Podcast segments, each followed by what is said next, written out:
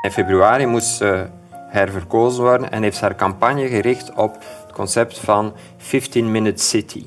Binnen, binnen mijn stad, binnen de grote stad, miljoenenstad zoals Parijs, zou eigenlijk iedere bewoner in een straal van 15 minuten, te voet of met de fiets of met openbaar vervoer, alles moeten vinden wat je nodig hebt om te, te leven en werken. Maar om dat te, te, realiseren, moeten we nog meer plek wegnemen van de auto's en, en, en moeten echt gewoon niet de vraag stellen van waar kan ik hier een beetje fietspad aanleggen? Nee, moet je eigenlijk de vraag omkeren. Kan ik overal geraken op een veilige en aangename manier met mijn fiets?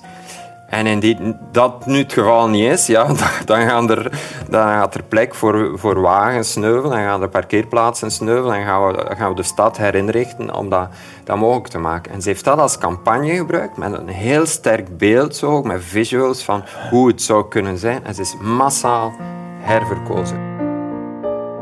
Je gaat zo meteen luisteren naar het gesprek dat ik heb gevoerd met Serge de Gelderen. Serge was een van de eerste klimaatambassadeurs. Die is opgeleid door Al Gore om uh, ja, eigenlijk het, het, volk op te leiden over wat er aan het gebeuren was in het klimaat. Hij is ook een van de starters van de klimaatzaak in België. En hij is de oprichter van Futureproofed. Dat is een platform dat steden helpt om hun ambities uh, voor het klimaat in kaart te brengen en ook te zien of dat ze daarin aan het slagen zijn. Ja dan nee. Uh, het is de tweede keer dat hij hier bij ons te gast is geweest. En wat vond jij van, van het gesprek, Tom? Uh, ja, vrij cool. Ik denk dat, hij, uh, ik denk dat het leuk is om eerst nog een keer naar dat eerste gesprek te kijken. Ja. Ehm, ik denk dat je het ook gezegd had tijdens het gesprek van toen was hij ehm, optimist, dus vandaag nog altijd optimist. Nee, dat werkt veel tot de fronsen tijdens het gesprek. Toen, zo, van, ja, zo van, ja, ja dat, dat wel. Er, was nu, dan iets minder bewijs dat we in de goede richting aan het bewegen waren dan vandaag. Ja. vandaag lijkt het alsof hij wel gelijk had of zo. Ja. Dat vind ik wel... Uh, dat is wel leuk, hè? dan komt het terug om eigenlijk te zeggen van ik had gelijk. ja, zie je wel. Ja. Maar tegelijk ook wel uh, donker. Ik vond dat het gesprek een heel groot emotioneel bereik had of zo. Uh, dat, dat je, ik zat echt heel hoog qua hoop en optimisme over het klimaat en dan waren het... Ah! Ja. Uh, maar, maar, maar ook wel daar. Allee, het, gaat, het gaat overal naartoe ja, ja. en dat was wel heftig. Ja. ja. De reden waarom we hem gevraagd hadden was om het over de, onder andere over de Green Deal, de Europese Green Deal te hebben. Om ons daar wat uitleg over te geven. En dat is ook echt gebeurd. Ja, super leerrijk. En ook uh, genuanceerd. Hè. Ik denk dat daar ook zo'n beetje een hoera-stemming over heerst. Soms, over landbouwbeleid nu wat minder bijvoorbeeld. Mhm, mhm. Maar over het algemeen wel. En ook daar vond ik het echt gewoon om hem aan het woord te horen en ook dat emotioneel bereik ja. te zien van zo, ja, inderdaad, een van de grootste dingen ooit, maar ook, wow. Ja, en in de gaten houden. En, ja, ja, Zeer interessant. Veel bijgeleerd. Ja, hè? Ja. Ik ook.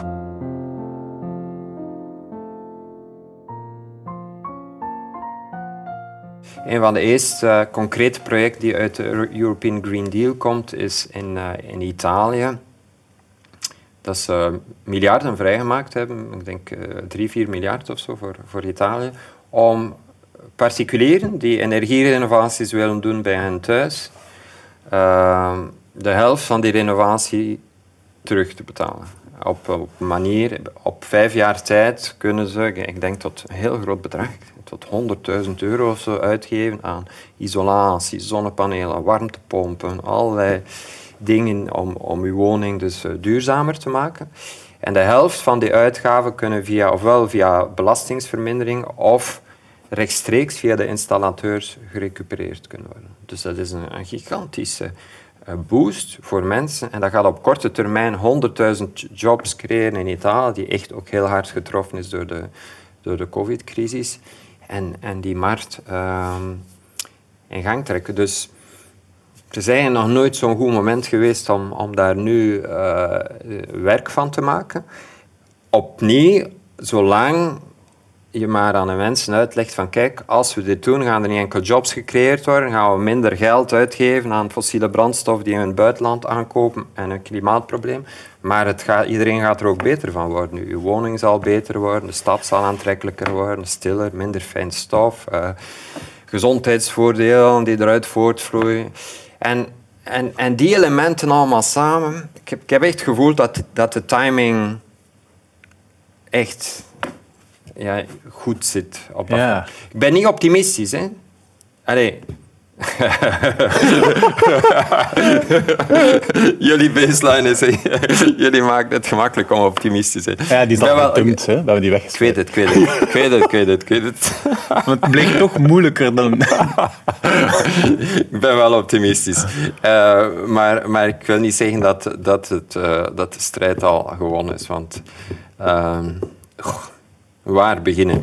Eerlijk gezegd, het is zo... Ik weet niet of je een beetje van de European Green Deal uh, daarover gelezen hebt of zo. Op zich is echt... Het is, het is iets zoals, zoals we nog nooit gekend hebben, eerlijk gezegd, in, in Europa. En met Ursula von der Leyen aan het hoofd, die echt gezegd heeft, ik, dat is ons big ID, dat is nu de prioriteit. Het is bijna de klimaatcommissie geworden dan iets anders. Terwijl Juncker daarvoor ja, ja, hier en daar wel iets doen. Uh, een paar mensen die, die goede dingen deden, maar nu is dat echt front and center. Het, het grote idee om dus uh, Europa uh, onafhankelijk te maken van fossiele brandstoffen, klimaatneutraal tegen 2050. Ja, maar ook, en tegen 2030 met 60 procent hebben we nu gesproken? Ja, min 55 is, is, uh, is, is goedgekeurd, dus dat is verhoogd van 40 naar min 55. Wat uh, gigantisch is. tien jaar. Ja, ja, ja, dat is gigantisch. En met een budget van uh, duizend miljard, dus 1 triljoen uh, euro, of 1 biljoen denk ik in het Nederlands, uh, duizend miljard euro voor de komende tien jaar. Dus dat is, dat is serieus geld. Dat is 100 miljard per jaar.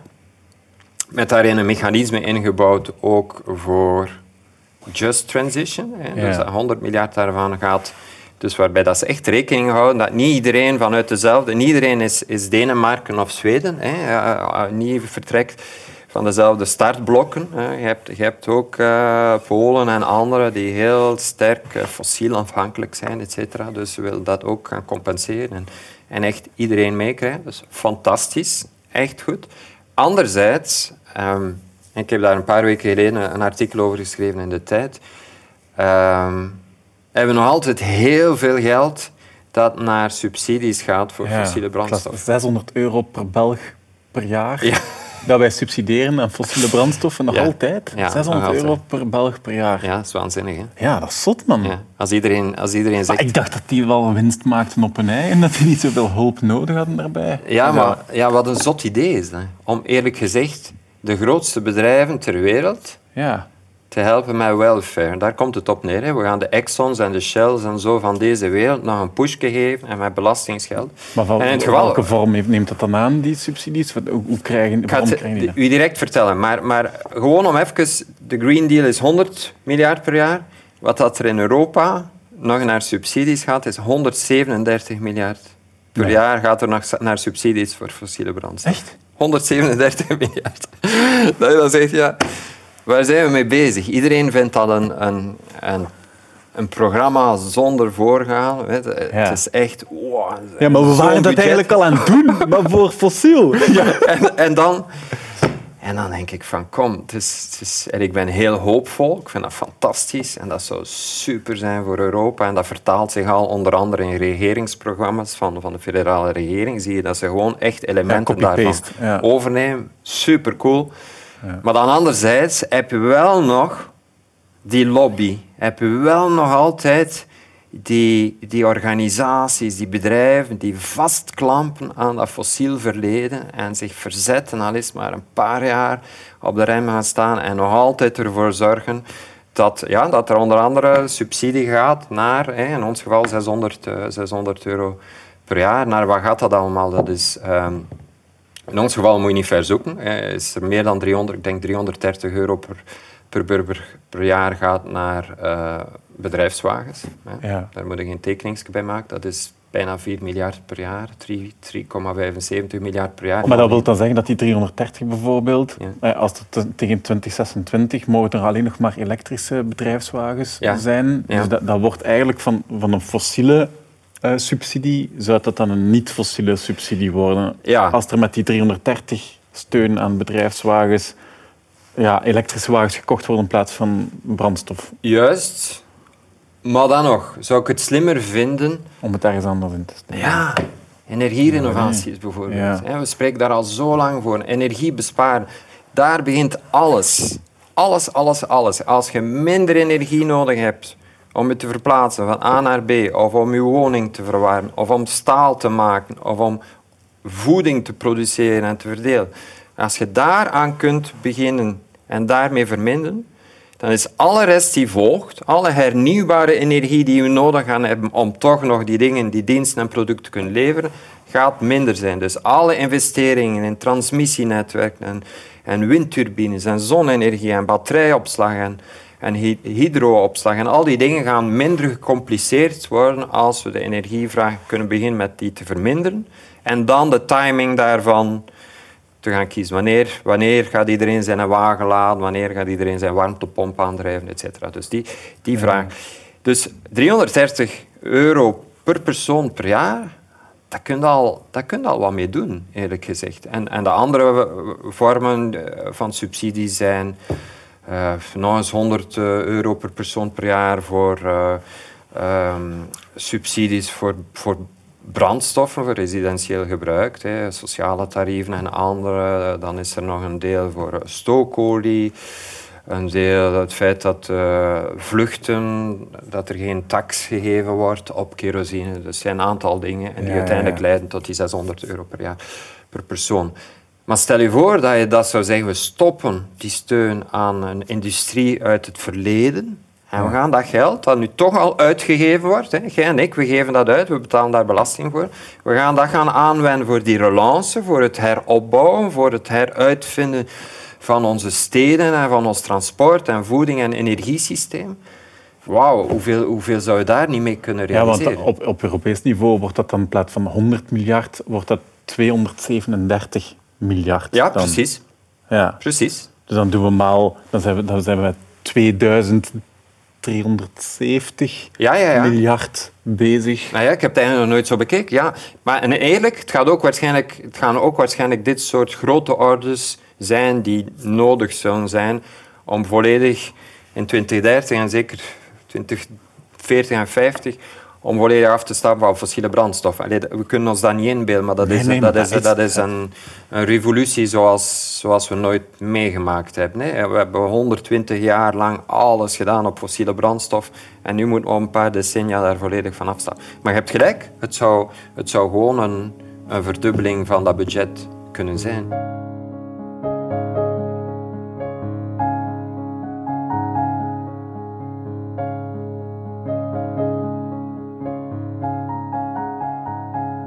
Ik zag onlangs een tweet passeren van, ik denk van Michael Liebrich. Dat is iemand van, die vroeger bij Bloomberg New Energy Finance zit.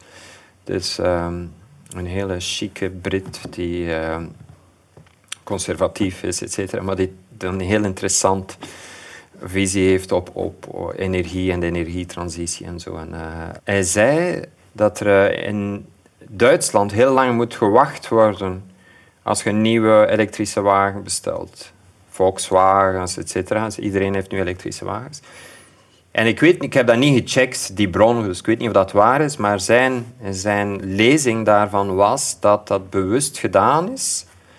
Waarom? Omdat er volgend jaar gaat gekeken worden naar de gemiddelde uitstoot van de vloot op de wegen, omdat daarop de volgende doelstellingen in Europa zullen gebaseerd worden. Mhm. Dus dat er bewust nu niet te veel propere elektrische wagens, zuinige elektrische wagens verkocht moeten worden, want volgend jaar wordt de baseline vastgelegd en dan zou het wel eens te moeilijk worden voor de hele auto-industrie om aan die doelstelling. Hoe pervers is dat niet? Ja, ja, dat is wat je zei. Van, we gaan die tweet we gaan die checken en als het in de montage zit, in de uitzending, dan is het teken dat we gevonden hebben dat het waar is. Weet okay. Dat, dat, dat mensen kijken en weten dat het is gecheckt. Ja, ja. ja, dat is crazy. Dat is echt... Dat is, dat is letterlijk... Begrijpen? Ja. die, hoe ver dat we eigenlijk nog van uh, hoeveel weg dat er nog afgelegd moet zijn. En dat is, dat is waarom dat... Dat is lekker een duvel in een wijwatervat. Hè? Dat is toch echt van dat daarvoor Absoluut. uitgevonden Absoluut. Dan snap je gewoon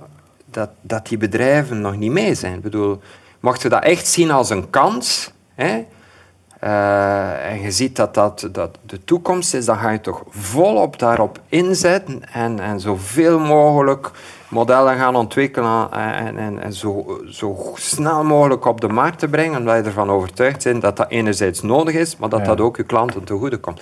En daar is, is precies nog... Uh, Hij zou ook niet ergens een tekortschieten van, van, van beleid daarin. Zodat we van bedrijven eigenlijk niet kunnen verwachten dat ze dat ze heiliger zijn dan de paus, of dat ze, dat ze zich aan striktere richtlijnen gaan, geven, gaan houden dan degenen die wettelijk verplicht zijn. En dat we daar misschien wat realistischer in moeten zijn en veel meer naar politiek moeten kijken en zeggen van de regelgeving moet strenger. En ja, de bedrijven ja, ze gaan zo smerig zijn door de band heen, de meeste misschien zelf. Mhm. ja, alles wat dat binnen het kader van de wet valt, zullen ze doen. Zo. En dat we, dat we misschien lang een beetje te ik weet niet, te naïef zijn geweest of zo. En te veel verwacht hebben dat zij het op eigen initiatief zouden doen. En dat nu blijkt van, dat is gewoon niet. En dat dan ergens een, ergens een pro-politieke boodschap is of zo. Van, ja, weet dat de politiek daarvoor dient. Ja, maar het zijn, zijn die drie niveaus natuurlijk. Dat beleid is, is, is nodig, uh, voordat ik daar naartoe ga. Maar eerlijk gezegd zou je verwachten dat als die bedrijven een overlevingsinstinct hebben... Ja. Uh, weet je, eh, niemand, er is geen wet die gezegd heeft dat, dat de industrie naar iPhones en, en Android-phones moest gaan. Plots was dat er en als je wou blijven bestaan, dan moest, moest je gewoon mee en ook een smartphone aanbieden en, en zorgen dat je, dat je mee kon. En je zou verwachten dat in 2020 dat dat voor iedereen intussen glashelder. Mocht dat, die discussie 10 of 15 jaar geleden of 20 jaar geleden, als ik ermee begonnen was, dan kon je zeggen van ja, dat, ja. ze zien dat nog niet. En we gaan echt de wet nodig hebben om iedereen in het gareel te doen lopen. Allee, het gareel tussen aanhalingstekens. Maar intussen, damn, je moet echt al in een grot leven of zo om, om, om, te zien dat, dat dat verhaal eindig is. Fossiele wagens is gedaan. Uh, fossiele installaties voor een woning is gedaan. En, en toch, op een of andere manier gebeurt dat niet. En zie je nog die lobby en die tegenklacht. En daarom heb je beleid nodig. En dat is het coole ook aan de European Green Deal. Is dat dat niet enkel... Dat is, dat is eigenlijk twee dingen. Dat is enerzijds een, een bold statement van de Europese Commissie die zegt van kijk, dat is onze absolute prioriteit voor de decennia die komen. Uh, en daarnaast is dat een roadmap met een financieringsmechanisme. Dus je hebt het grote idee, maar ook geïmplementeerd naar wat gaat dat betekenen op landbouw, eh, industriële strategie, uh, et cetera. Het moeilijke is niet meer van te zeggen, we moeten zoveel woningen gaan, eh, gaan isoleren of we moeten nachttreinen terug mogelijk maken en korte afstand vluchten door betaalbare, comfortabele treinen vervangen. Of, dat is allemaal op zich niet meer moeilijk van te weten wat we nu moeten doen om te beginnen. Maar het gaan uitvoeren, het saaie stuk, bij wijze van spreken. We, we zitten niet meer te dromen over, over ex, ex machina, uh, deus ex machina oplossingen, die, weet je, de, nieuwe technologische doorbraak. Dat hebben we voorlopig niet echt nodig. Dat houdt ons nu niet tegen om eraan te beginnen. Het moeilijke is, oké, hoe gaan we in een stad uh, zoals Mechelen of, of Brugge of Leuven uh, of Amiens, hoe gaan we daar 1000, 2000 10.000 woningen per jaar uh, nul energie gaan maken. Dat zijn werven, dat zijn financieringsmechanismen, dat zijn projectleiders, dat zijn uh, weet, uh, openbare aanbesteding, de, de small print. Ja. Saai, maar... maar ah, cool eigenlijk, vind ik. Cool wel, absoluut. Maar niet meer flashy van, wow, we zitten te wachten op de nieuwe... Nee, nee. Schub in de grond. Zo. Ja, ja, precies. Botten met een helm op, ja. werkvergadering. en op zich heel cool. Heel cool. Omdat, om, wat, eindelijk ook zo. Eindelijk. Maar, maar dat is wel het, het moeilijke. Want het is, het is gemakkelijk om een roadmap en een studie. En de tiende studie van Vito en van TNO, van de Europese Commissie. Die allemaal mooie grafieken en een beetje debatteren over de cijfers, min 55 of min 60. Ja, ja, allemaal goed en wel, maar eigenlijk is het hier en nu. En, en hoe gaan we dat gaan implementeren? En, en dat is tricky, maar ook cool, zoals gezegd. Omdat je dan... Uiteindelijk zijn we dat gewoon, want we zien de steden eh, rondom ons. Neem Gent, neem Kortrijk, neem Leuven. Alle steden, uh, Parijs, zijn aan het transformeren. Uh, je kent de grote werken, en een nieuwe boulevard, en een nieuwe bibliotheek, en een nieuw rondpunt, en een nieuw plein, etc. Op zich zijn we die dingen gewoon.